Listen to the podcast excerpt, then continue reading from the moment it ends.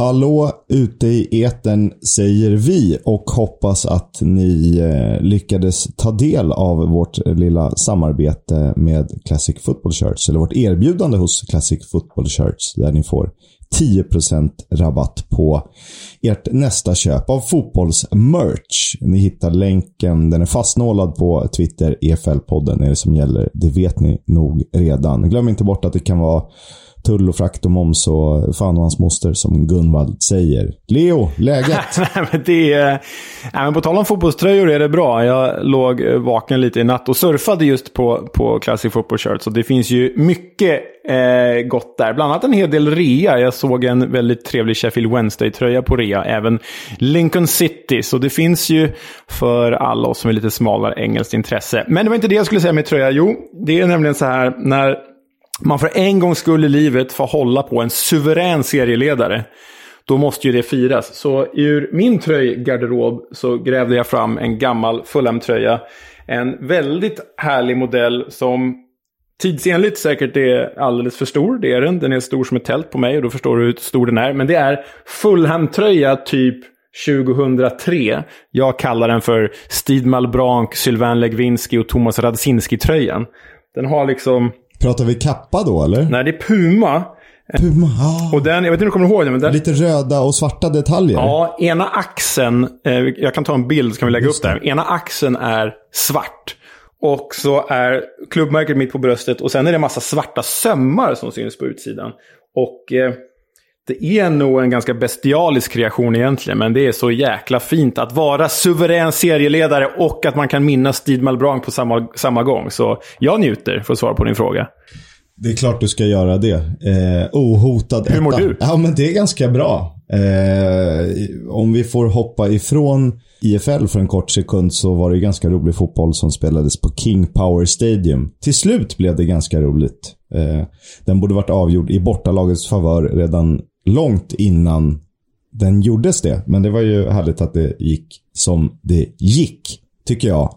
När man möter ett lag som håller på och maskar och filmar sådär. Vilket alla lag gör när det finns incitament att göra det. Ja, och eh, för våra kära lyssnare som är så pass nischade så att de inte ens har koll på Premier League så kan vi avslöja att du då kommer från en exceptionell, extraordinär eh, övertidsvändning för Tottenham borta mot Leicester. Eh, ja, det står ju 2-1 eh, klock när klockan står på 94.50. Det ska alltså vara fem övertidsminuter och sen gör Steven Bergwijn 2-2. Eh, Men istället för att fira ett, en poäng så hämtar han ju bollen och det ena leder till det andra. Leicester tappar bollen. Harry Kane plockar upp den. Slår en perfekt genomskärare till Bergwijn som håller sig framme.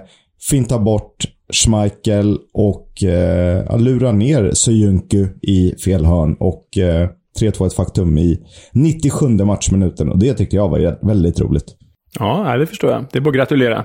Vi tackar. Och eh, för mitt EFL-lag går det ju ganska bra också. Och det ska vi såklart eh, prata om mer i veckans avsnitt.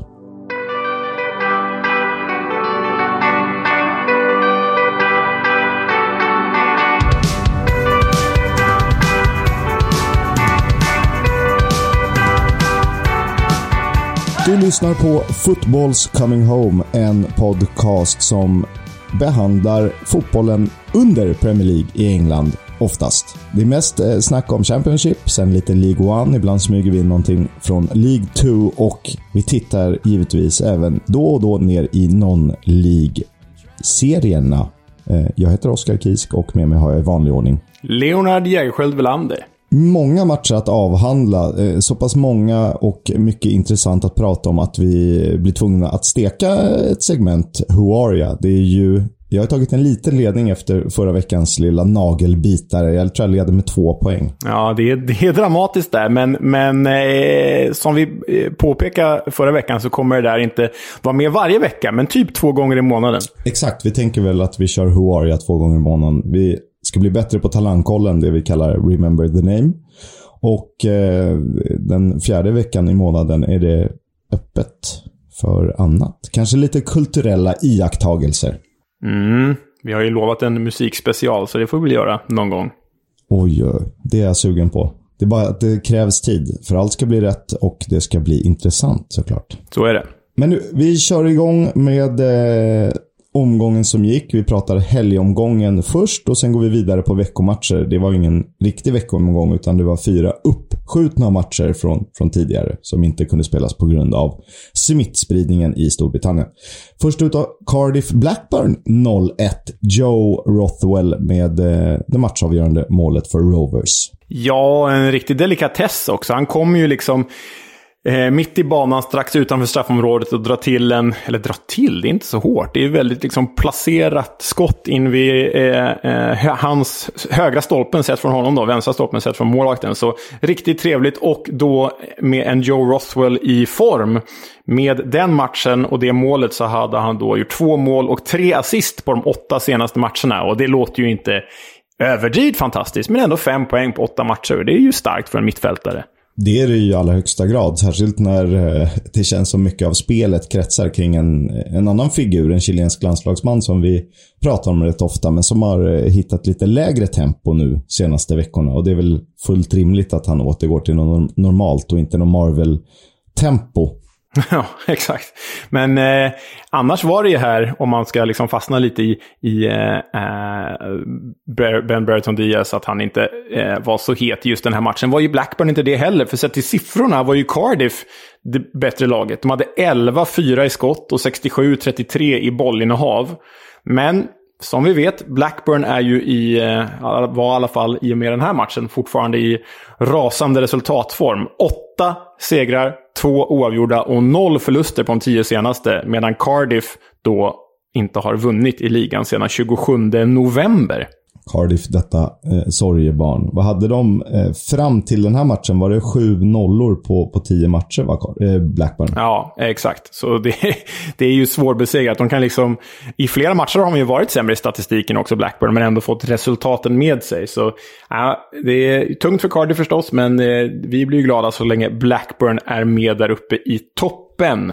Vi ska inte prata för mycket tabell, men eh, jag vi har ju två lag som ändå har sett stundtals rätt bra ut. Eh, särskilt i säsongsinledningen. Det var ju Cardiff och Reading och eh, nu är det de två lag som ligger mest pyrt till ovanför nedflyttningsstrecket. Reading, som ni vet, 6 poängs avdrag för ekonomiska oegentligheter. Ja, känslan med både Cardiff och Reading, det är väl att de skulle kunna klara sig på att det finns två lag som är ännu sämre och en klubb som eh, håller på att till, tillintetgöras av, av konkursförvaltning och poängavdrag. Och det är Derby.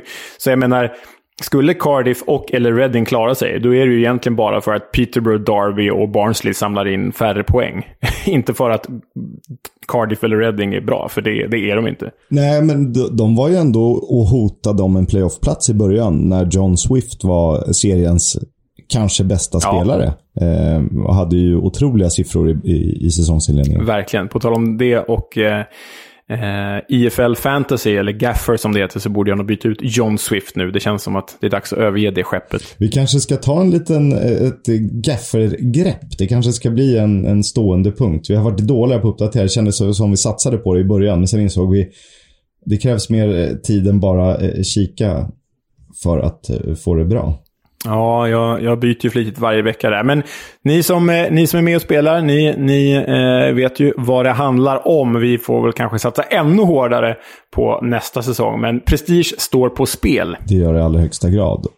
Vi går vidare till en av helgens absoluta höjdpunkter får man ändå säga. Eh, som jag kikade lite på. Luton Bournemouth 3 2 och eh, jag skrev lite lätt sarkastiskt att man åker inte till Kenilworth Road och dikterar villkor. Eh, då ledde Luton med eh, 2-0 efter två mål i första halvlek. Lloyd Kelly med ett självmål och sen Alan Campbell. Det gick ju ganska snabbt innan Marcondes gjorde 2-1 och då började jag darra på tangenten. Jaha, radera tweet eller? Och sen gjorde Morgan Rogers 2-2 och då var ju det där ingenting värt, trodde jag i en ganska sprudlande fotbollsmatch. Chanser åt båda håll och en lite typisk Luton-seger får jag ändå säga. För eh, trots eh, 35-65 i bollinnehav så höll sig Caldini. Hur fint är inte det smeknamnet? Vet du vad känslan är när man ser namnet Caldini?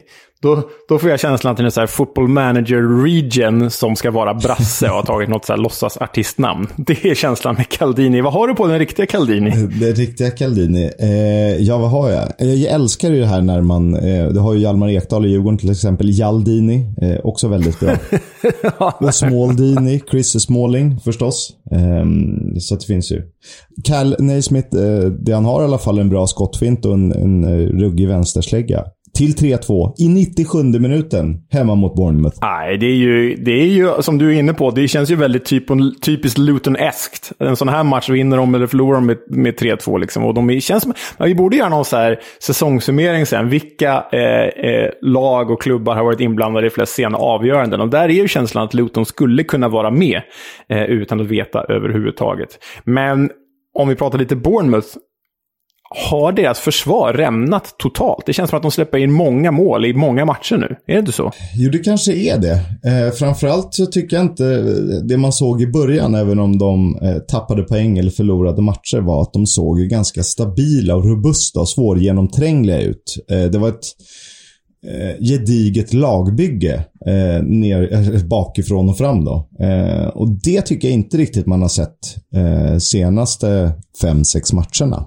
Nej, eh, nej, exakt. Nu tittade jag på deras resultat och så mycket mål har man inte släppt in. Det var bara någon felaktig känsla jag hade. Men precis, det här gedigna bygget som du är inne på. Eh, det som man förväntade sig av Bournemouth och det som vi såg hela vägen fram till november. Det, det är ju inte riktigt där längre. Det är skakigt och jag vet inte riktigt vad det beror på, faktiskt. Kollar man sex senaste matcherna så ligger de ju inte i topp eh, vad det gäller insläppta. Då ligger de någonstans i mitten av tabellen. Så din, eh, din iakttagelse kanske inte är helt eh, snett på det. Och det kan ju vara en formdipp också. Vi har sett både Fulham och Bournemouth ha rejäla formdippar. Bournemouth ser ut att vara på, på gång igen, måste vi säga. Eh, jag tror fortfarande att de är ett lag att räkna med i men det, det, det, är lätt att stirra sig blind på tabellen och säga att ah, nu känns Fulham givna att gå upp. Ja, det är klart. De leder med fem poäng.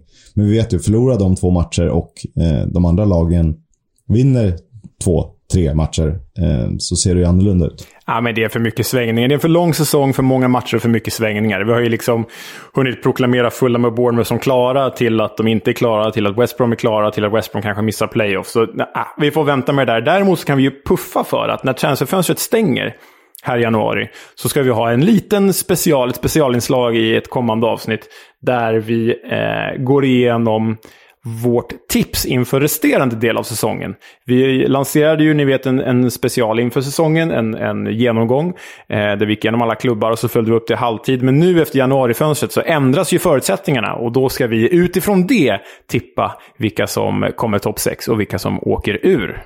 Exakt, ska vi göra det. Och på tal om att åka ur. Det känns ju oundvikligt.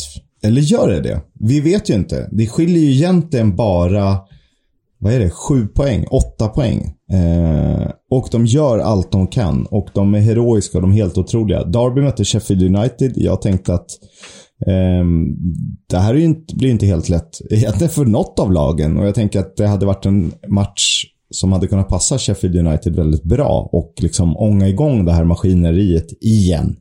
Eh, men eh, Chi fick jag. Ja, alltså Derby besegrar ju då på nyttfödda Sheffield United får jag väl säga med 2-0 och eh, den i början av säsongen ifrågasatta lagkaptenen Tom Lawrence gör bägge målen och det är ju inte vilka mål som helst. Det är ju två, äh, men det är ju två mål av hög Premier League-klass. Kan man säga så? Det kan man väl säga? Det kan man eh, absolut göra, tycker jag. Det här eh, som han spelar nu och har gjort eh, senaste matcherna så är han ju en man, åtminstone för botten av Premier League. Låter ju deppigt att säga så. Eller toppen av Championship. Det är kanske ännu finare. Ja, men det är ju liksom... E- han är ju någon, dels är ju det här hela urkraften med Derby-publiken. Eh, kommer över 20 000 på Pride Park varje match och det är ju massivt stöd och klubbarna har gått samman och spelarna har gått samman. Men att de då ur den kraften lyckas göra två sådana här sanslösa mål. Alltså första målet, hur många gubbar gör Lawrence? Två, tre innan han liksom dribblar bort två, tre gubbar innan han placerar en i, i, i bortre stolpen. Det är ju ett läckert mål. Och sen följer han upp det genom att liksom böja in den i krysset. Det är... Nej, koll, ni som inte har sett de här målen, vi rekommenderar er att uh, youtuba de här höjdpunkterna Derby, Sheffield United. För ja, det, Tom Lawrence är en uh, mycket spektakulär spelare för tillfället. Han är för Wayne Rooney vad Adel Tarapt var för uh, Neil Warnock en gång i tiden i QPR. Precis. Inga övriga jämförelser. Men du var ju inne på det, alltså Darby har ju fått, och vi kommer att prata mer om det i nyhetssegmentet, men Darby har ju fått ännu sämre förutsättningar. Så inför den här matchen så kom de till spel utan Phil Jagielka, för hans kontrakt har gått ut. Så Richard Stearman ersatte. De kom till spel utan Graham Shinney, för han har de sålt till Wigan. Så Ebosele ersatte. Och så kom de till spel utan Sam Baldock, vars kontrakt har gått ut. Så två ordinarie spelare och en, vad ska man säga, förstinhoppare på anfallet eh, saknades. Och ändå eh, vann de med eh, 2-0 mot The Blades. Det är, eh, det är, eh, jag är hänförd av det här gänget. Alltså. Hänförd.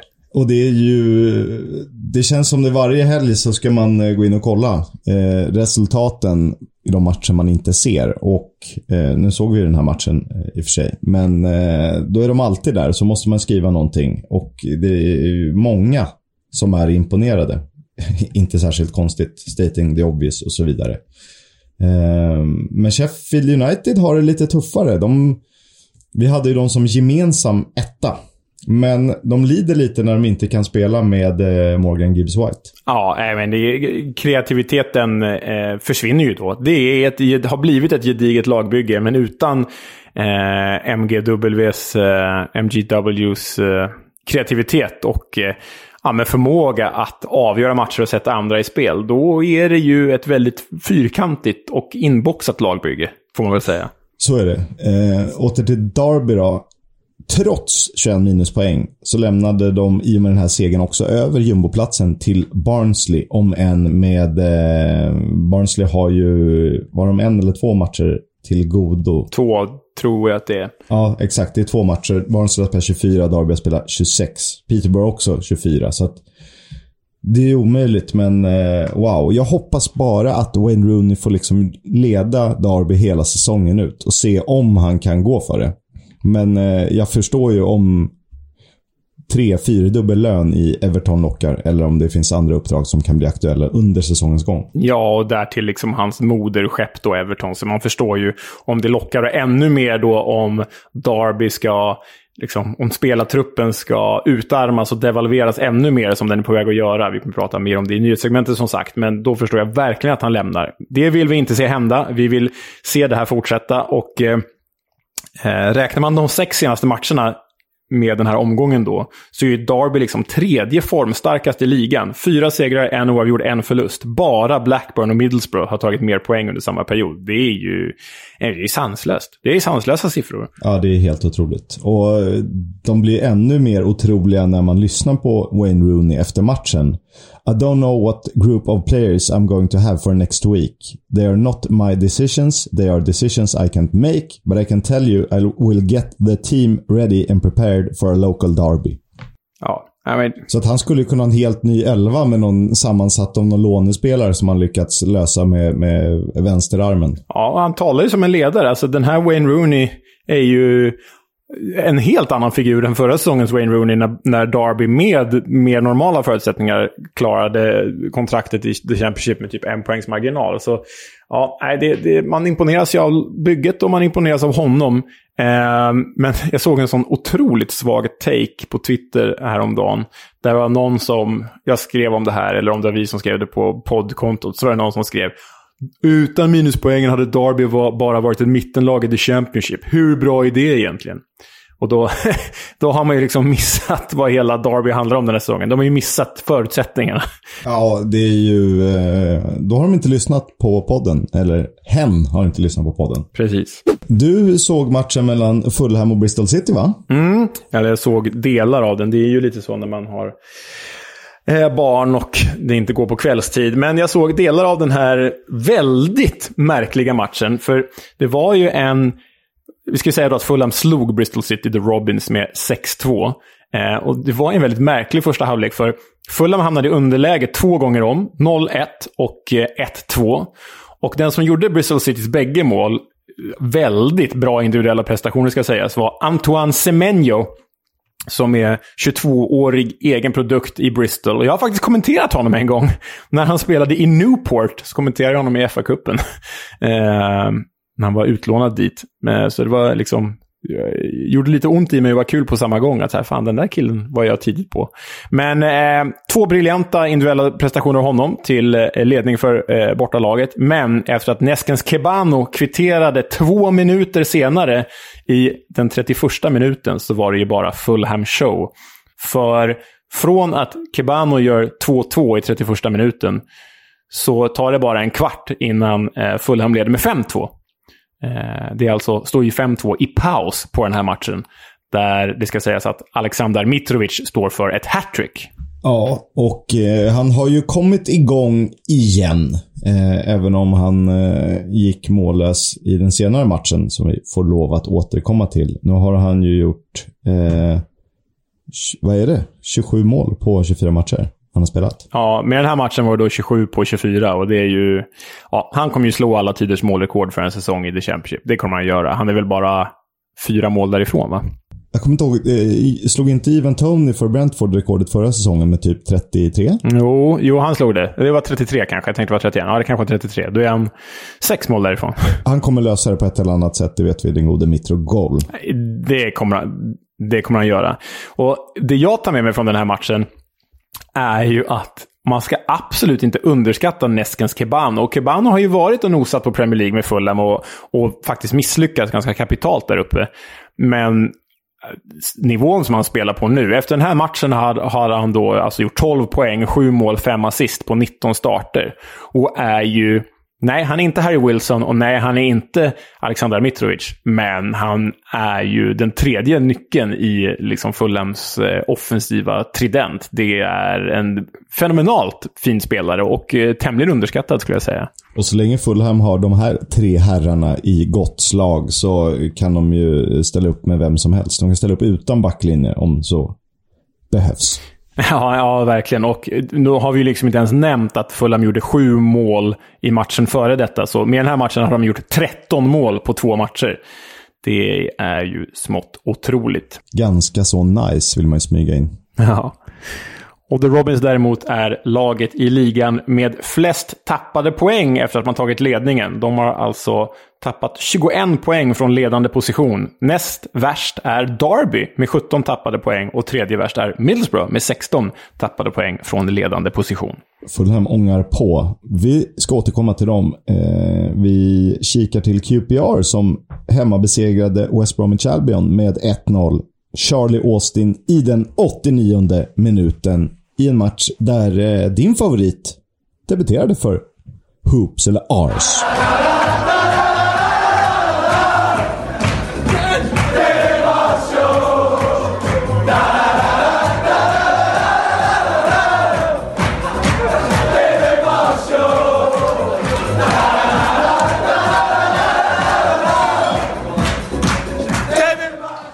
Måste ju passa på att köra David Marshall-ramsan när man kan. Och ni, ni, ni är säkert trötta på den. Jag kommer aldrig tröttna på den här. Men vad passar då bättre eh, än att få köra den här ramsan till tonerna av David Marshalls debut för QPR när han då höll nollan. Alltså hans första ligamatch på ja, men över ja, 8-9 månader är det väl. Eh, så det är ju starkt av honom att eh, kliva in och leverera sådär direkt, får man ju säga. Ja, eh, sen tröjorna som QPR har som är ljusblå och mörkblå, delade, 50-50 alltså, är ju otroligt vackra med eh, jubileumsmärket. Och sen är det ju kan man säga det är tryckt eh, en topografisk karta över lokala området. Rätta mig om jag kommer med några konstiga uttryck här. Nej, men det, nej, det, det topografisk är väl i och för sig höj, höjd... Ja, det är för sig med höjdskillnader. höjdskillnader precis. Eh, men det är åtminstone en karta, en geografisk karta om inte annat, eh, på, på området där QPR ligger i, i eh, västra London. Så nej, det är en otroligt häftig tröja. Jag tyckte den påminde lite om Le Havre, folk kanske inte hjälper folk så mycket, men ljusblå och mörkblå Feyenoord delad, eller Blackburn delad för engelsk referens. Riktigt, riktigt snygg. Det var ju du som uppmärksammade mig på den här också före helgen. Riktigt läcker. Och faktiskt är det så att eh, eh, det finns en kille på, eh, i England som är grafisk designer. Dan Norris heter han. Eh, han har designat jubileumsmärket och QPRs vanliga klubbmärke. Jag rekommenderar er att följa honom, för han designar nämligen har gjort alla eh, klubbar i Premier League och IFL sin egen take på deras klubbmärke. Och det är väldigt roligt att gå in och kolla på. Dan Norris heter han. Finns på Twitter och Instagram. Mycket trevligt att följa. Eh, och Det är väl han och en annan, en kompis till honom, båda QPR-supportrar, Dan och Dan, som har legat bakom den här tröjan. Jag försökte faktiskt kika om det fanns en möjlighet att köpa och eh, jag kan ju meddela att sajten eh, QPR-shoppen kraschade 11.00 i måndags när den skulle släppas. och den kommer väl upp igen någon timme senare då alla tröjor slut. Folk var fly förbannade. Den släpptes i limiterad utgåva. Jag la inte vantarna på något exemplar, tyvärr. Sen blev vi uppmärksammade på, och det skrevs lite, om att Albert Adoma skulle ha blivit Championships meste spelare någonsin. Eh, och här går ju uppgifterna isär. För att eh, går man in via Statbanker så eh, ser det ut som att eh, Adoma är mästerspelaren med typ 456 matcher. Vilket skulle vara än mer än Luke Chambers tidigare i Forest och Ipswich bland annat. Men andra källor, bland annat Transfermarkt, som då känns lite mer pålitligt, eh, skriver att, eh, eller listar honom som fyra efter Lee Camp, Paul McKenna och Joby McAnuff. Ja, och eh, jag satt typ eh, åtminstone en halvtimme med det här och hittade hela tiden motstridiga källor. Men det var ju liksom officiella tidningsrubriker och QPR gick ut med det själva. Och att han är den mesta spelaren i Championships historia. Men de källor som uppvisar samma siffror som Transfermarkt, de, de klargör ju allihopa att man räknar från Championships början. Alltså vad är det, 2002 typ. Så jag förstår inte riktigt varför eh, uppgifterna går isär. Var är räknefelet? Och går man då in på Transfermarkt och tittar på typ Lee Camps matcher så finns ju alla matcher där han deltagit registrerade. Och det är ju 530 Championship-matcher. Exakt. Jag har dubbelkollat den. Jag räknade säsong för säsong antal spelade matcher med flera andra källor. Och då fick jag också eh, typ 528 eller 530 eller någonstans där i krokarna. Ja, så nej, eh, det är... Jag, vi kanske inte är svårt för oss att avgöra, men eh, jag hittade fler källor med transfermarktsiffror. Så om man går på mängden källor, behöver inte stämma, så eh, är Lee Camp alltjämt etta. Och är det inte lite lustigt att denna obskyra målvaktstyp som representerat nio klubbar i The Championship, som dessutom totalt sågas i, för sin, sina insatser i Sunderland till I Die. Är det inte sjukt att det är han som har rekordet på en relativt bra nivå ändå? Ja, man kan tycka att det hade varit en lite bättre figur på någon position överhuvudtaget. Men sen ska man inte glömma att eh, Football League innefattade ju högsta divisionen till och med säsongen 91-92. Sen blev det ju Premier League. Exakt. Och Championship initierades ju inte förrän 04-05. Det var första officiella säsongen som det var Championship. Jag gick in på IFL och kollade. De har faktiskt ganska dålig officiell egen statistik. Då är det, står det bara listat flest matcher i Football League och då är det Peter Shilton med 1005 matcher. Så att allt beror ju på hur man räknar. Men kollar man matcher i andra divisionen från 2004-2005 så är Lee Camp etta. Ehm, men vissa spelare kan ju tillgodoräkna sig matcher från Football League. Ah, bla, bla, bla, bla, bla.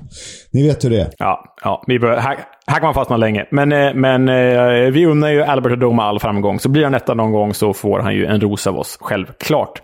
Ska man prata lite, lite VBA innan vi går vidare? Så saknade de ju Sam Johnston.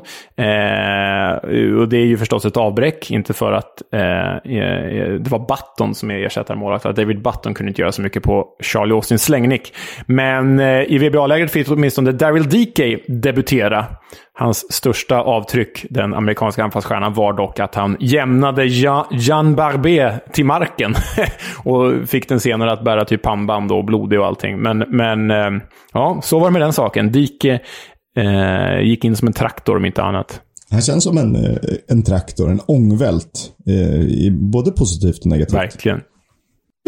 Ett annat sent avgörande kom på The Den när Millwall mötte Nottingham Forest där matchen slutade 0-1 och det var Lewis Grabben som så ofta förr eh, i det här skedet av säsongen. Eh, han gjorde sitt elfte mål för säsongen.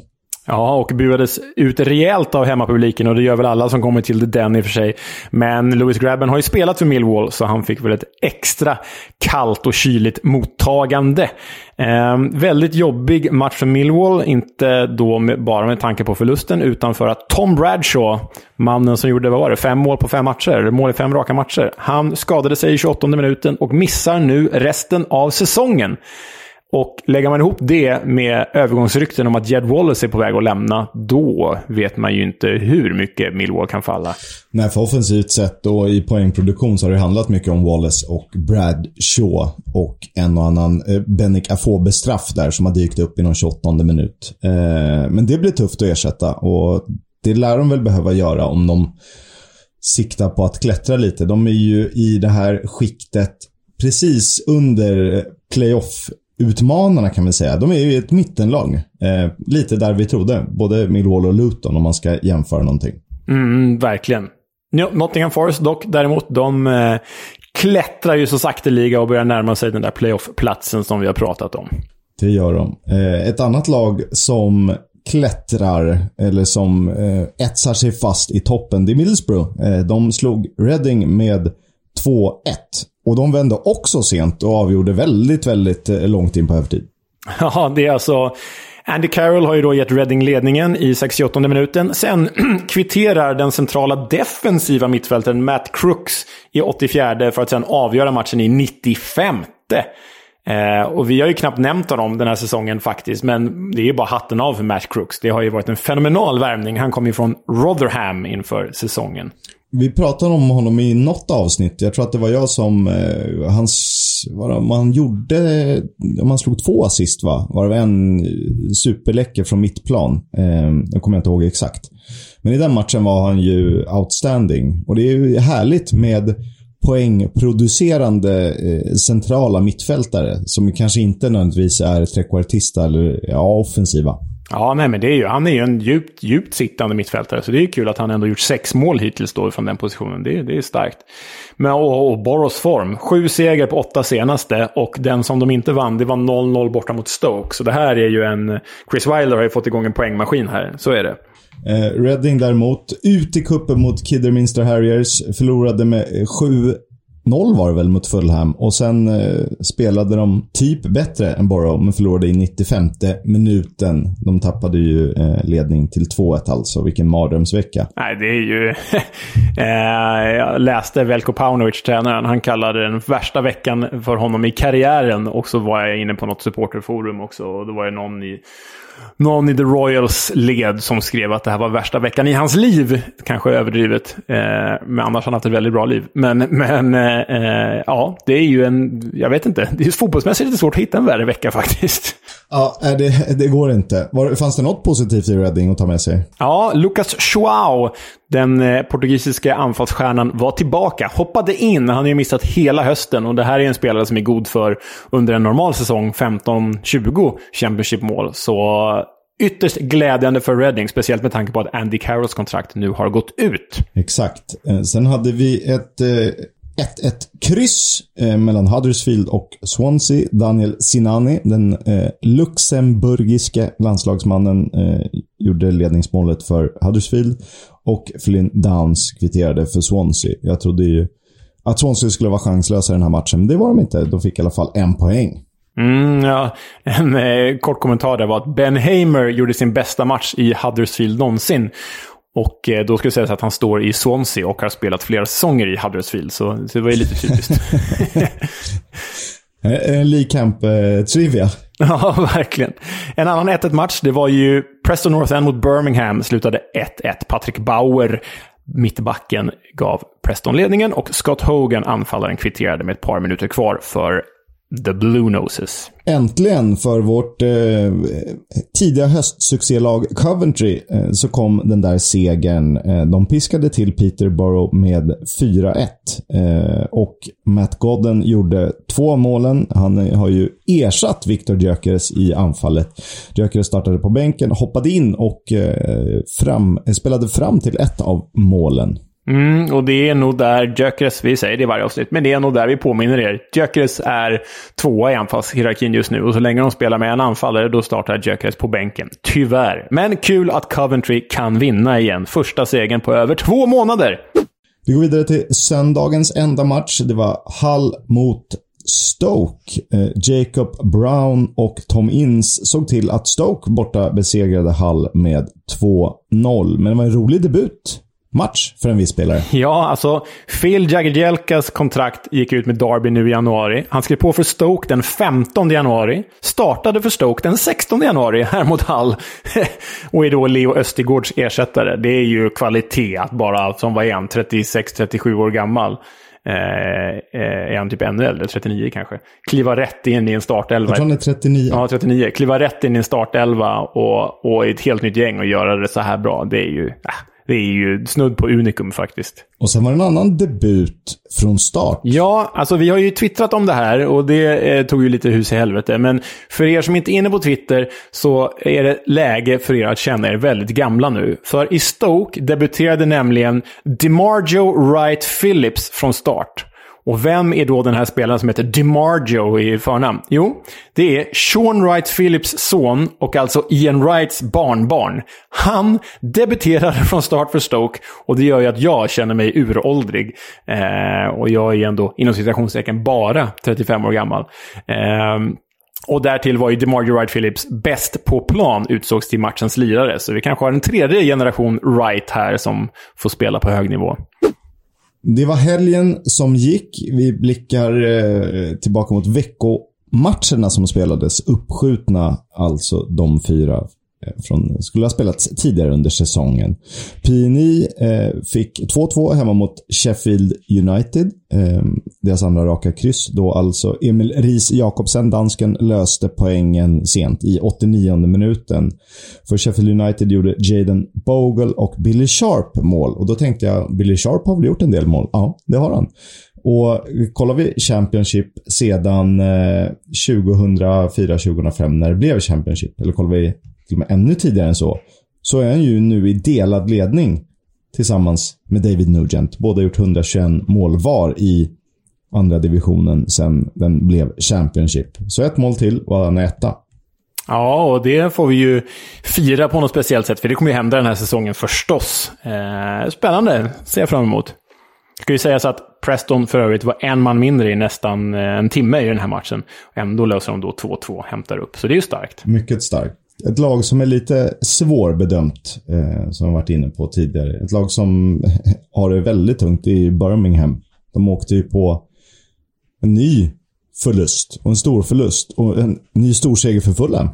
Ja, eh, Fulham eh, vann ju då med 6-2 igen. Andra raka 6-2-segern. Och eh, har ju då gjort 19 mål på de tre senaste. Men det var ju väldigt roligt för den här matchen föranleddes av en intervju med Birminghams tränare Lee Boyer efter Birminghams match i helgen. Där journalisten berättar för Lee Boyer att Fulham precis har slagit Bristol City med 6-2 och därmed gjort 13 mål på de två senaste matcherna inför det här mötet då mellan Fulham och Birmingham. Och så här tyckte Lee Boyer om det. Finally, a quick turnaround to Fulham now, the rearranged game. They've won by six goals to two this afternoon, so a very different challenge to prepare for. Yeah, so what's that, 13 in, in two games? Yeah, looking forward to that then. Ja, han, han känns inte helt full av hopp direkt. nej, nej det, det, det, var han inte. Och eh, man förstår ju varför. För det blev ju då som sagt 6-2 igen. När Boyers mannar pulveriserades. Fulham alltså två raka 6-2 matcher, 19 mål på de tre senaste. Ett XG, alltså förväntat gjorda mål, på 9,8. Det låter kanske inte så högt, men det är ju sinnessjukt högt. Eh, eh, enligt eh, siffrorna. Och om vi tittar på The Cottagers målskillnad så har de plus 47. Och deras målskillnad är därmed då större än vad något annat Championship-lag har gjort mål den här säsongen. Eh, mest anmärkningsvärt är ju att Fulham gör sex mål och Alexander Mitrovic gör inget av dem. Nej, det, det är också otroligt. Istället kliver ju liksom Fabio Carvalho fram med två mål och gör tre mål på de två senaste, den gode tonåringen. Och eh, vi ska fastna lite, förlåt min, min, för att jag sitter och glotar här. Men någon gång får man ju faktiskt vara glad över att man håller på ett lag som går bra. Eh, Och eh, det är ju så här då att inget lag har någonsin gjort så här många mål i The Championship efter 25 omgångar. Fulham har gjort 70 mål på 25 matcher.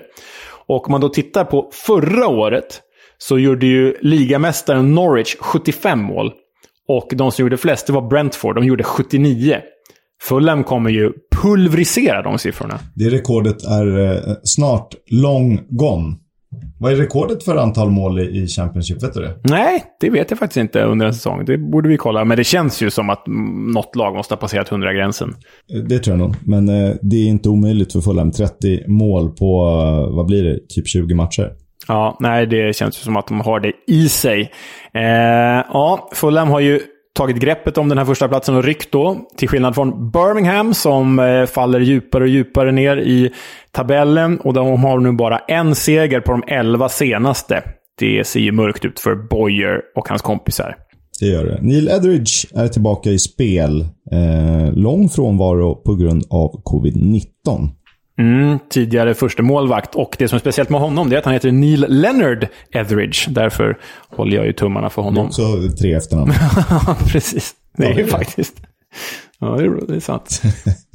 Onsdagen då. Eh, en match gick på tv och var lättillgänglig i Sverige. Det var eh, Hull mot Blackburn. Men Reading-Luton 0-2. Eh, Holmes noterades för ett självmål innan Alan Campbell med sitt an- eh, mål för andra matchen i rad eh, fastslog slutresultatet i Hatters favör. Och det är ett eh, väldigt stiligt mål på den här nivån, även om Reading känns allt annat än formstarka. Eh, man rullar verkligen runt och tar den långa vägen, men det är otroligt stiligt. Det kan jag rekommendera er att titta på. Och 10 poäng på de fyra senaste för Luton som har lite känn att kanske kunna hota om playoffplatserna. De har väl dessutom spelat två matcher färre än många av konkurrenterna där. Så att eh, ingenting omöjligt, men det är nu de börjar falla samman. Och sen kommer de tillbaka och så, ja, ni kan visa. Ja, jag tycker du sammanfattade bra. bra där. Jag har inget mer att säga faktiskt. Hull Blackburn då. Eh, 2-0 och eh, det var ett trendbrott i dubbel bemärkelse. Ja, första förlusten för Blackburn sedan 3 november. Första vinsten för Hull sedan 27 november och på sju matcher då. Så ja, här eh, var det ju en frontalkrock i två olika världar och eh, de svagare på pappret gick vinnande ur den. George Honeyman och Tom Eves gjorde varsitt mål. Det mest anmärkningsvärda var väl att eh, den nya ägaren, den turkiske mediemagnaten Akun Ilichali jag vet inte om man säger så, men jag låtsas att det är rätt. Stod och jublade med sin familj eh, i Kingston upon Hull. Och honom har vi all anledning att prata mer om eh, när vi går vidare till nyheterna. Have you not been watching? I haven't! Ny ägare i Hull City alltså. Eh, vi hörde det, eh, den turkiske mediemogulen. Vad har du på honom, Leo? Eh, jo, han har ju förhandlat med eh, klubben och eh, familjen Allam, de tidigare eh, engelska, engelsk-egyptiska ägarna ganska länge. Sedan juni 2021 har han förhandlat med dem och det här blev ju då inofficiellt klart i november tydligen, men presenterades då bara här nu i veckan. Ehm, han, Akun Ilichali, eller vad vi nu säger, han har gjort sig ett namn och stora pengar på eh, media, media, media mogul helt enkelt i Turkiet. En man of show business läste jag i en Independent-artikel.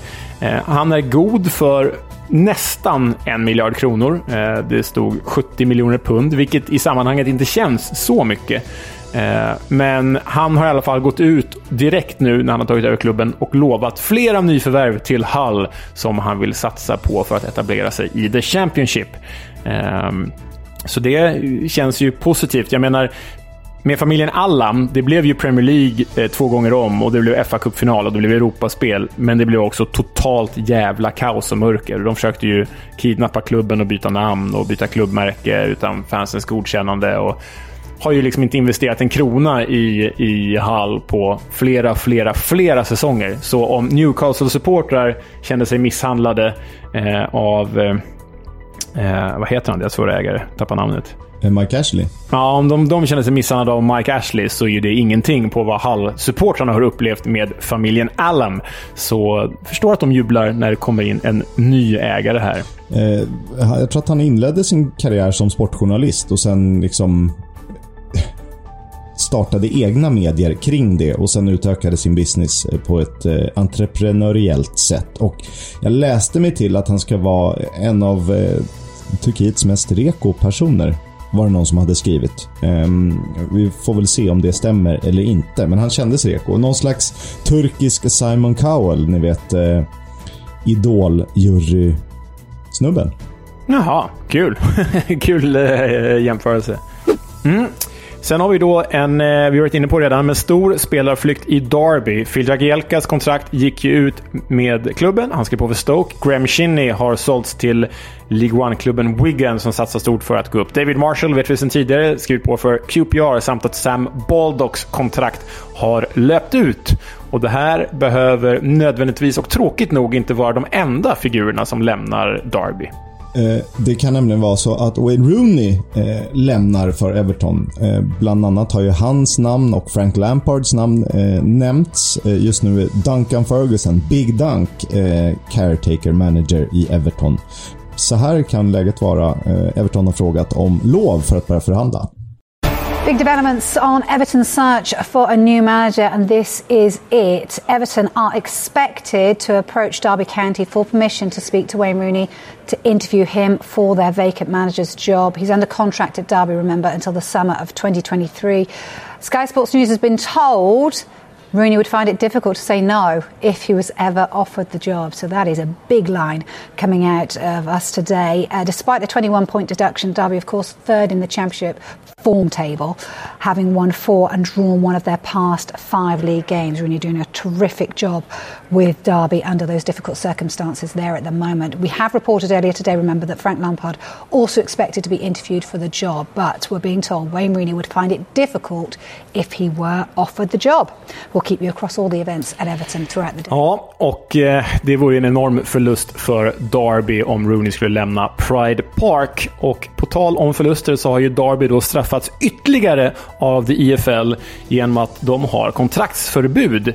Givet den råd rådande eh, ekonomiska situationen och eh, konkursboet så har Derby förbjudits av DFL att skriva kontrakt med nya och interna spelare. Alltså, de får inte förlänga kontrakt med nuvarande spelare. Och Detta innebar ju då att man inte kunde förlänga kontrakten med Phil Jagielka och Sam Baldock vars kontrakt gick ut i januari. Fast man ville det, fast spelarna ville det. Och detta har Eh, glädjande nog faktiskt lett till ett stort uppror i, i fotbolls-England.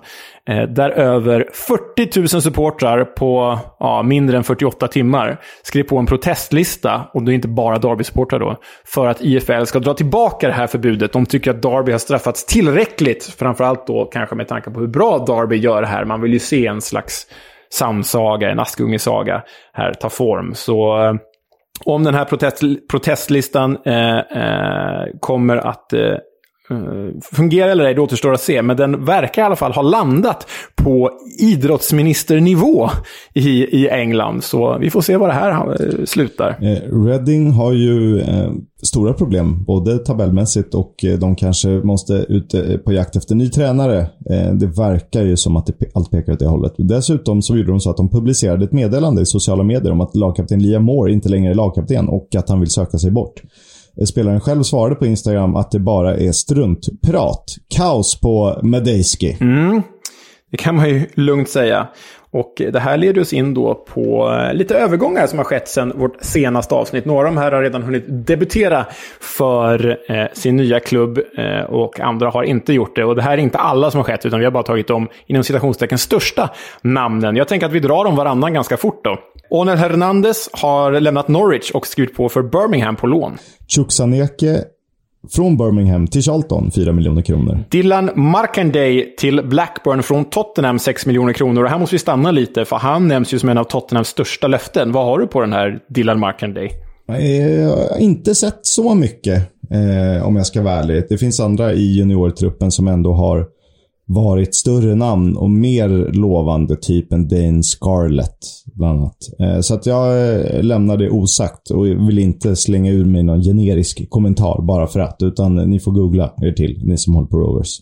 Rovers har också värvat på lån Dejo Vaisio Sefoik eh, från Hertha Berlin, som vi pratade om tidigare. Vänsterbacken Jake Bidwell lämnar Swansea gratis och har skrivit på för Coventry. Cyrus Christie går till Swansea från Fulham på lån. Offensiva S1 Josh Magenis lämnar Hull för Wigan. Eh, oklar summa. Det är ju en, faktiskt en ganska stor förlust för Hull och Wigan satsar ju definitivt på att gå upp i år. Det är tydligt. Det gör de. Eh, Riley McRee till Borough från Charlotte, där han inte har spelat eftersom de inte har introducerats än. För cirka 35 miljoner kronor har gjort ett fantastiskt mål en gång i tiden. Bör kollas in. Folarin Balogun till Middlesbrough från Arsenal på lån, anfallstalang. Neil Taylor går till Borough och han kommer väl som bossman. Sen har vi redan nämnt det, men vi säger det igen. Andy Carroll och andra målvakten Rafael har lämnat Reading då deras kontrakt har gått ut. Lewis Baker lånas ut från Chelsea till Stoke. Klassvärvning ändå. Sen mittback med Premier League-erfarenhet, Danny Bath, går till Sunderland från Stoke. Och så svensk koppling här med Charlie Colkett som lämnar Östersund och eh, hans nya klubbadress är Cheltenham. Och sen ska vi nämna en periferispelare bara för att han är känd. Carl Jenkinson med Arsenal-förflutet lämnar Nottingham Forest för Melbourne City i Australien. Och vi vet ju att Robin Olsens låneavtal med Sheffield United eh, cancellades. Eh, så att han skulle kunna lånas ut istället till Aston Villa. Ja, och det här vet ju alla nu eh, att det har skett. Men bara för de som inte har hängt med så kan man förklara så här att Robin Olsen hade ju första spaden eh, och första slipsen i Sheffield United. Eh, tills att han skadade sig med landslaget i november var det va?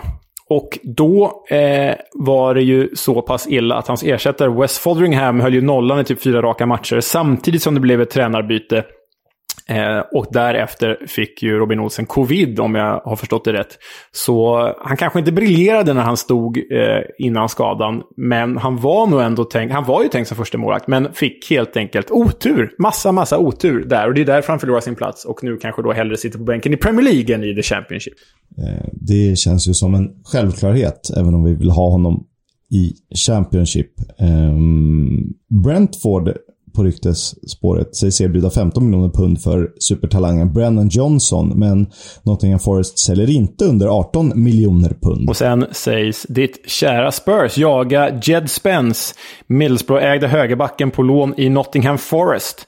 Eh, Borough har ju redan täckt den här positionen genom att eh, eh, värva Richie Laurier från Toronto FC i MLS.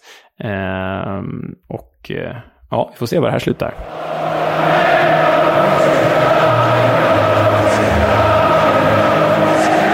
Fotbolls Coming Home sponsras av Stryktipset, ett spel från Svenska Spel, Sport och Casino. För dig över 18 år. Stödlinjen.se. Lördag 16.00 ett lurigt krismöte mellan Birmingham och Barnsley. Krismöte med stort K till och med, där eh, Birmingham bara tagit en seger på de tio senaste i ligan. Tufft läge för Lee Boyer. Eh, snart går det inte längre att peka på förväntade mål och poäng. Samtidigt möter de Barnsley som inte vunnit i ligan sedan 3 november och efter Darbys seger senast så är de ju jumbo i tabellen, om än med två matcher till godo. Så att det här är ju en riktigt tuff match. Eh, vi får se hur det går för de goda B-lagen. Mm, därtill har vi ju bisarrt nog dubbla derbyn samtidigt på lördag 13.30. Det är El Clafico, alltså Derby mot Nottingham Forest, samt att vi har Severnside-derbyt, Bristol City mot Cardi FF. Um, ehm, det är ju två eh, otroligt roliga matcher att följa. Och eh, som om det inte vore nog, det är förvisso inte derby, men det är, trots förlusten för Blackburn senast, ett formmöte, ett riktigt playoff-möte på måndag mellan Blackburn Rovers och Middlesbrough. Och med det sagt så har det blivit dags för The Club, veckans klubb, eh, laget på tapeten, eller vad vi nu kallar det. Huddersfield Town AFC. Take it away. There is a team that is dear to its They call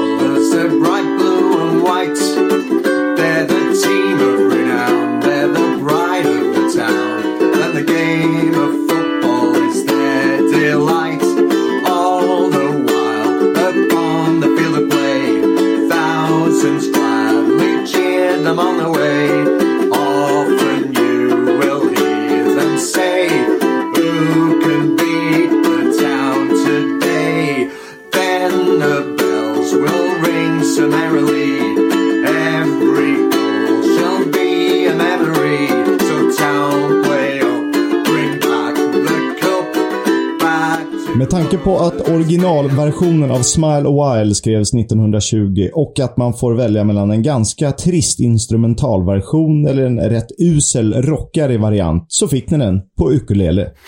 Den skrevs ursprungligen inför fa Cup-finalen 1920 som Huddersfield förlorade mot Aston Villa. Den första fa Cup-final att avgöras i förlängning.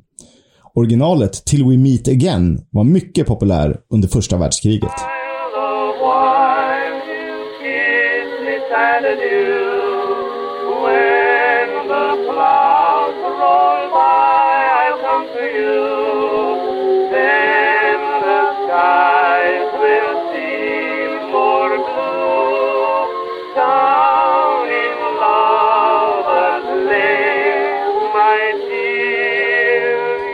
Huddersfield, beläget i West Yorkshire. Mitt i landet, men mycket närmare gränsen till Skottland än sydkusten. Historiskt sett en viktig handelsstad och med textilfabriker som central del för området. I och med den industriella revolutionen, vi är nu i början av 1800-talet, förklarade de så kallade luditerna krig mot maskinerna då man ansåg att skicklig hantverkskonst skulle ersättas. Upproret inleddes i Nottingham men drabbade flera ställen där textilmaskiner förstördes, däribland Huddersfield. Och idrottsmässigt får man nog ändå kalla Huddersfield för en rugbystad. Lokala laget Huddersfield Giants grundades redan på 1860-talet och 1895 sattes grunden för det som skulle komma att bli Rugby Football League i just Huddersfield. Huddersfield Town AFC bildades år 1908, alltså förhållandevis sent men ändå tidigare än några av lokalrivalerna. Och de behövde inte vänta länge på framgång. Första mästarna Preston North End, Sunderland, Aston Villa, Newcastle med flera hade ju alla framgångsrika perioder i Football Leagues tidiga skede. Men Huddersfield hade möjligtvis engelsk fotbolls första storhetstid.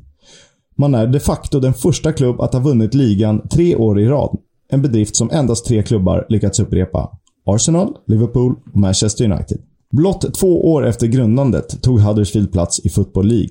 Delvis med hjälp av att arenan Leeds Road byggdes om. Till det tog man hjälp av demonarkitekten Archibald Leach. Han som ritade typ alla arenor i Storbritannien för Anfield, Highbury, White Hart Lane, Ibrox, Stamford Bridge och ditt Craven Cottage.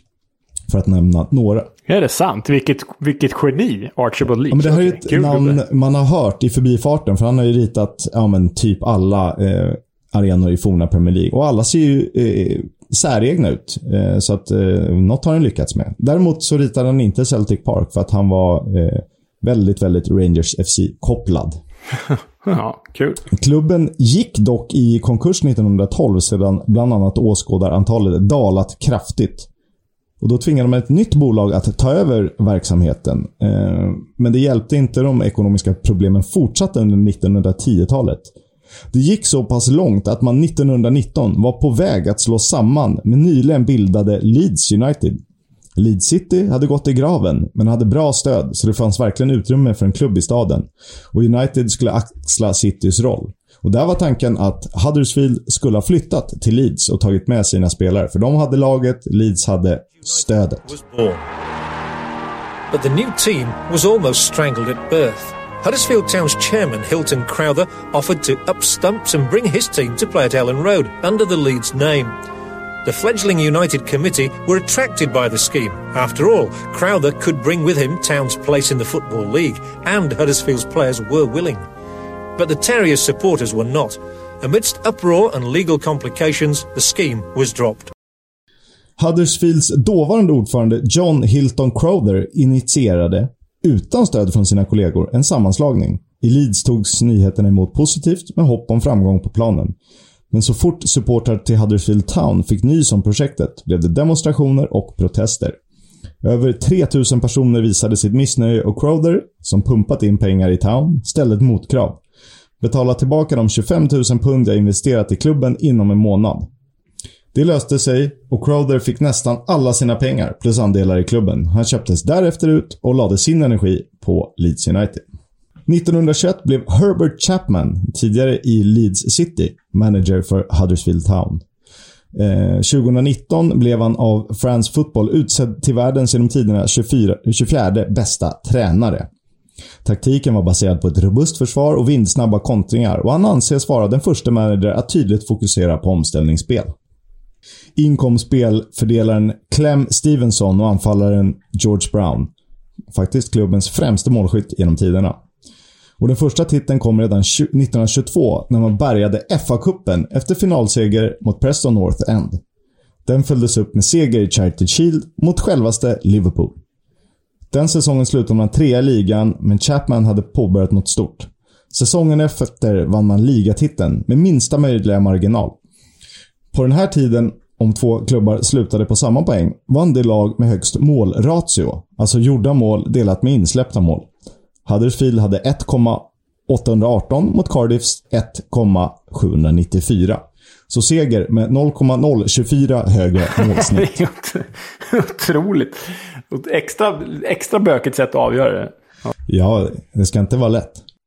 Säsongen efter upprepades bedriften när Huddersfield vann ligan två poäng före West Brom och trots att Herbert Chapman lockades över till Arsenal med dubbel lön efter två ligatitlar så blev det tre i rad för Huddersfield Town när man 1925-26 vann under Cecil Potter. Därefter två raka andra platser och en fa Cup-final. Truppen åldrades och ersattes aldrig ordentligt även om Town blev två respektive trea på 1930-talet. Det var tydligt att kurvan pekade neråt och 1952 åkte man ur finrummet för första gången någonsin. Tillbaka igen året eh, därpå, men åter nedflyttade 1956. Och då flyttades Bill Shankly upp som manager. Som tidigare varit någon slags reservcoach eller eh, ja, andre tränare. Det blev bara tre år i Huddersfield innan han drog till Liverpool.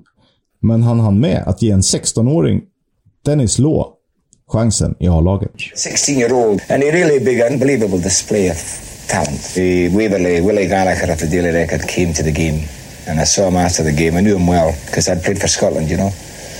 And I said, listen, Willie, I said, you in early. I said, you go home and you put down in the paper that you've seen somebody that'll break the all-time Scottish cap record.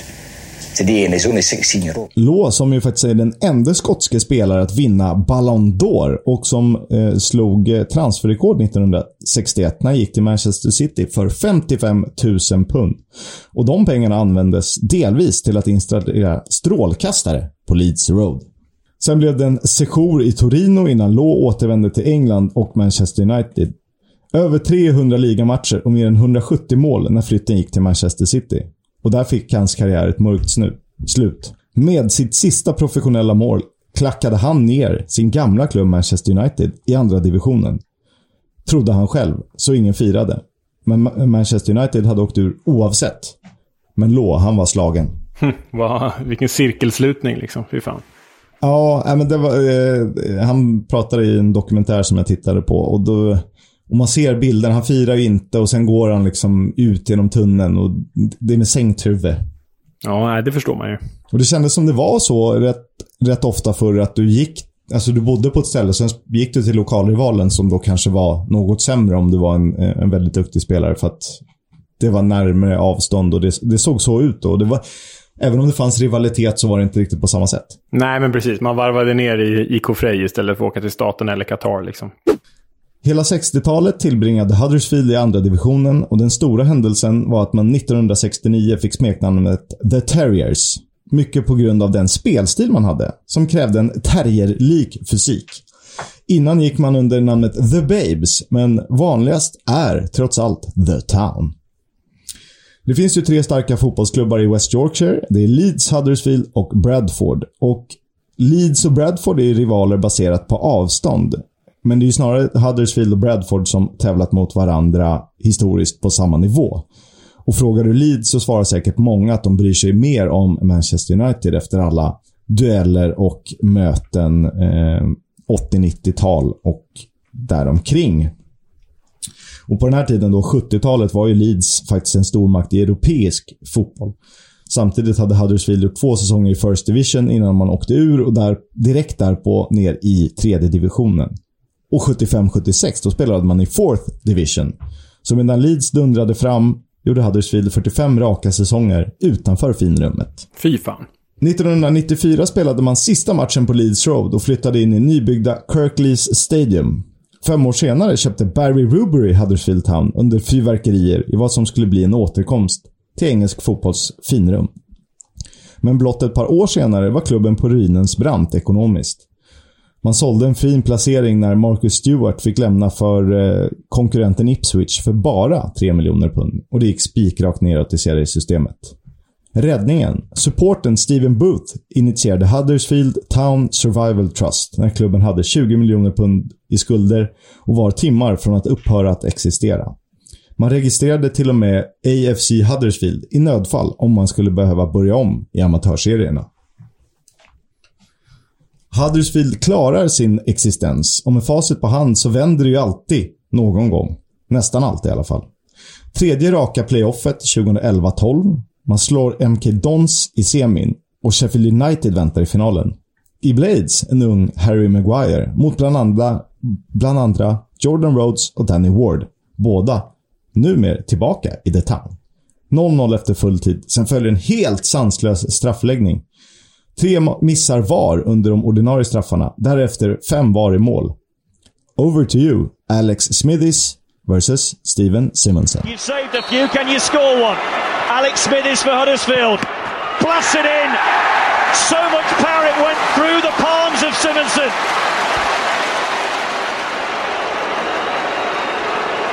Who'd be in Steve Simonson's boots now? He's missed. Steve Simonson clears the frame of the goal and collapses in a heap of tears. Huddersfield Town are promoted to the Championship after a quite incredible penalty shootout. Well, Wembley has witnessed some drama down the years. Has it ever witnessed a penalty shootout quite like that? Sheffield United. Huddersfield upp i The Championship alltså. Manager fram till februari var Lee Clark, numera i omanska Al-Ittihad. Därefter tog Simon Grayson över. Är det sant? Det är Lee Clark i Oman och härjar. Jajamän. Om han inte har fått sparken. Men han, han klev dit i november tror jag. Eller han bytte klubb. Där i krokarna i november. Ja, sjukt. Därefter tog Simon Grayson över. Och det var knappast hans eller efterföljande managers fel att man hade tufft att konkurrera i Championship. Trots namn som Oliver Norwood, Adam Clayton, Murray Wallace, Scott Arfield, James Vaughan, Jermaine Beckford och Dwayne Holmes i truppen. Efter Grayson kommer Mark Lillis in som interimtränare. Därefter Mark Robbins interim Lillis igen, Chris Powell och Lillis ytterligare en gång, om än bara i en match. I november 2015 testar man något nytt, nämligen klubbens första icke-brittiske manager. Den Frankfurt-födde landslagsmannen David Wagner. Från Borussia Dortmund 2, alltså reservlaget. Och hans första halva säsong handlar mest om överlevnad. Och så vitt jag vet har ingen svensk spelat i Huddersfield. Men det finns en koppling. Vet du? Eh, en svensk? Nu blev jag eh, rejält överraskad här. Jag satt bara och tänkte på att eh, Wagner kom väl på rekommendation av Klopp om jag minns rätt. Ehm, eh, eller svensk, svensk koppling sommaren 2016. Uh, någon som har spelat i Allsvenskan eller? Nej. Det är ännu mer långsökt och ja. svårknäckt än, än så om man inte visste om det. Nej, okej. Okay. Du, du, får, du får ge mig den. Eh, om man ska dra det i korthet då. Wagner ville eh, sluta truppen. Han ville liksom bygga ett starkt lag. Så han åkte till den svenska vildmarken för ett slags försäsongsläger. Eh, utan telefoner och annan dylik utrustning. Och så skulle man bara lära sig att eh, laga sin egen mat och eh, duscha i rinnande vatten, alltså typ eh, flod eller sjö liknande. Det finns ganska intressanta reportage om det här. Men han, han trodde att Sverige var lösningen och det kan man väl ändå säga att det delvis var. Men eh, får återigen knyta till Klopp då, för det där gjorde ju Klopp med Mainz och jag tror Dortmund också. Att uh, vara i Sverige på försäsongsläger. Jag vet att han gjorde det med Mainz, så han kan ha gjort det med Dortmund. Så säkert inspirerad av den gode Klopp. Säkert, för att eh, Wagner implementerade ju en gegenpressing-modell och eh, det går ju upp och ner 2016-17. Eh, men med drömmar om något stort.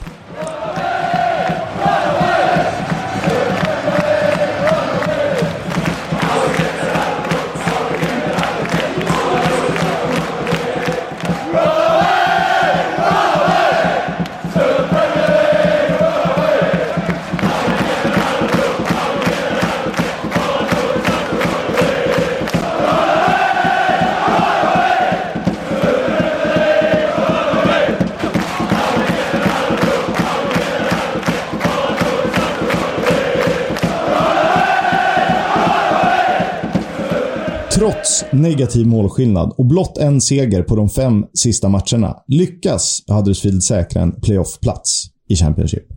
Playoff-semifinalens andra möte med Sheffield Wednesday går till straffar. Och det passar ju tyskar. Wagner hade plockat in Löwe, Heffele, Kachanga och Schindler från, från tysk fotboll. Men man får inte glömma succélånen Aaron Moy och Danny Ward såklart. Och just Ward plockade Foresteris straff för att avgöra semifinalen i Huddersfields favör. Nu väntar Reading på Wembley. 0-0 efter fulltid även här. Och matchen går till straffar. Reading börjar, sätter sina första tre. Heffele missar och The Royals har övertaget. Liam Moore, som vi pratade om, kaptenen, missar medan Aaron Moy sätter sin straff. 3-3 och sista omgången i playoff-finalen 2017.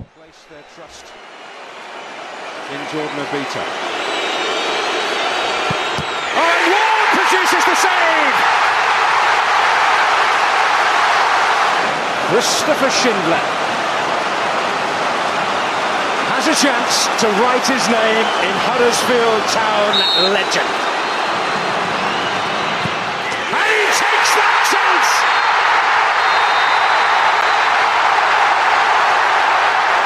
The fairy tale season has the happiest ending.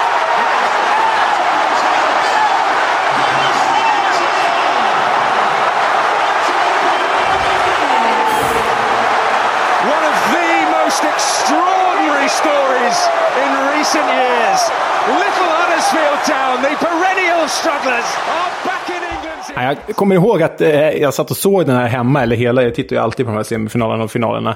Och liksom Huddersfield för mig då, det var ett väldigt oskrivet kort. Vi hade gjort ett typ reportage på Viasat om Huddersfield typ 2013. Så här. Kuponglaget typ. Men mer än det var ett väldigt oskrivet kort för mig. Så när de liksom straffar sig upp här. Jag kommer ihåg att jag fick någon så här blixtförälskelse i Danny Ward. Min nya Francesco Toldo. Men så blev han ju bara andra keeper för resten av livet. Typ. Så det var ju trist att det fick det slutet. Men det var ändå eh, häftigt att se liksom, sådana dubbla straffvinster. På tal om då om man jämför med David Marshall med Skottland. Det är ju alltid, alltid roligt. Det, det, det kittlar ju när man är neutral att kolla eh, straffar och när man får liksom fokusera på det laget det gick bra för.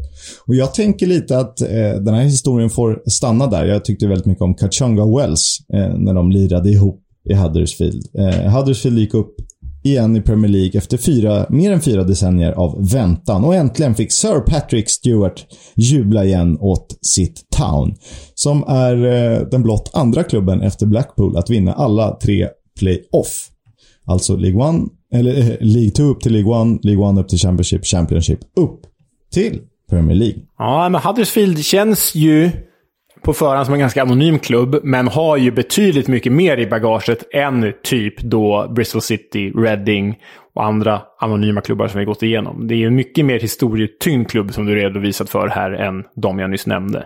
Ja, på något sätt. Men eh, jag, eh, fortfarande att det är ganska anonym. Inte så, alltså, det finns ju ett gäng profiler och de har ju ett gäng på liksom Football League, 100 Legends och Hall of Fame. Herbert Chapman, Peter Doherty, Dennis Lobel, Shankly, Clem Stevenson, Ray Wilson. Eh, men eh, du är inte helt snabbt på det. Reading hade ju sin Robin Friday. Ja, de hade sin, de hade sin Robin Friday. ja. Och eh, för de som inte kan sina skådespelare så är ju Patrick Stewart i- vår generation mest känd för Star Trek och för X-Men va? Exakt, det där är ju helt utanför mina jaktmarker. Men man känner igen honom från Star Trek. Jag tycker ju, ja, vi ska inte gå in på eh, filmer och sci-fi slash fantasy överlag. Jag blandar ihop allt sånt där. Um, det är inte min grej. Jag gillar riktig fantasy, James Bond och sånt. Tintin. Tintin. Jag har en Tintin-DVD-box här som jag sitter och tittar på just nu faktiskt. Mäktiga Tintin. Ja, men tack så mycket. Det där var ju väldigt trevlig lyssning. Huddersfield alltså. Du, du ska få en klubb till nästa vecka. Ja, det finns ju bara tre kvar. Eh, Vilka är det? Det är, är Porsche, West Brom och Fulham. Ja, och jag tänker att det är dags. Det är klart, varför har vi inte gjort Fulham innan? Och det är väl klart att du ska få göra Fulham. Ja, come on! Så länge jag slipper Porsche nästa vecka. Ja, det är ett, det är ett trade här alltså. Ja, ja, det ser jag. Jag kan ju ta Fulham nu och sen jävlas mer och ge Porsche nästa vecka. Nej, så taskig kan jag inte vara. Jag, kan, jag ska lära mig mer om Porsche. Kul med Fulham. Nu ska det bli partisk berättelse. Chat about the fucking game. About your game, last few months, last few weeks. Fucking character. Neil Warnock har ju faktiskt tränat Huddersfield Town. Och eh, vad passar väl bättre när vi ändå är inne på temat att eh, rycka honom när han var i The Terriers. Eh, det här är vad han hade att säga i halvtid i en match mot Shrewsbury och han är ju minst sagt besviken på sina spelare. Willow, any injuries? No. How can there be any injuries? What a silly question, eh?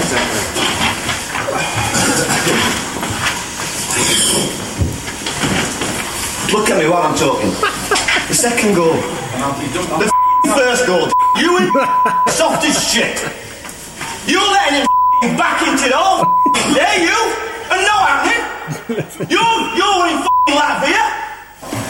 We're third in the league, and we've got 2,000 fans getting pissed on over there, and we ain't got as much passion. Silent. Let's have somebody who'll put the in. You go on boys run for the throws. Off a ball then. Alright, second ball, you go in every time. Now listen, we're going to change 4-3-3. Ja, det där var en riktig guldgruva du hittat, Kisk. Vilket- jävla klipp alltså.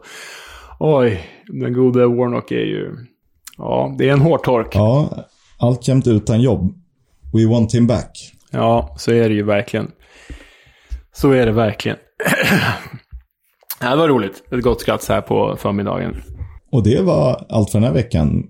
För en gång skulle har jag kommit ihåg att ge Leo en klubb. Eh, så eh, tack för det. Varsågod för det. Eh, och tack till alla er som har lyssnat och givetvis tack till Stryktipset som är med och sponsrar. Vi får väl se vad som händer framöver. Mycket spännande på Glöm inte Classic Football Shirts för all del. De har en fin rea tror jag också. Ja, och för att ni ska ta del av eh, rabatten vi kan ge er där så kan ni då klicka på länken som vi lägger upp i våra sociala medier och så ska ni ange koden EFL-podden. Då får ni 10% rabatt på det ni handlar. Så lycka till i eh, tröjbrowsingen. Adjö.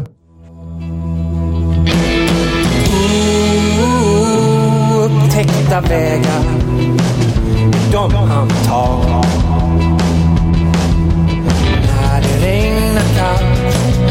Ibland när kampen leder ända fram. Då ses vi på lördag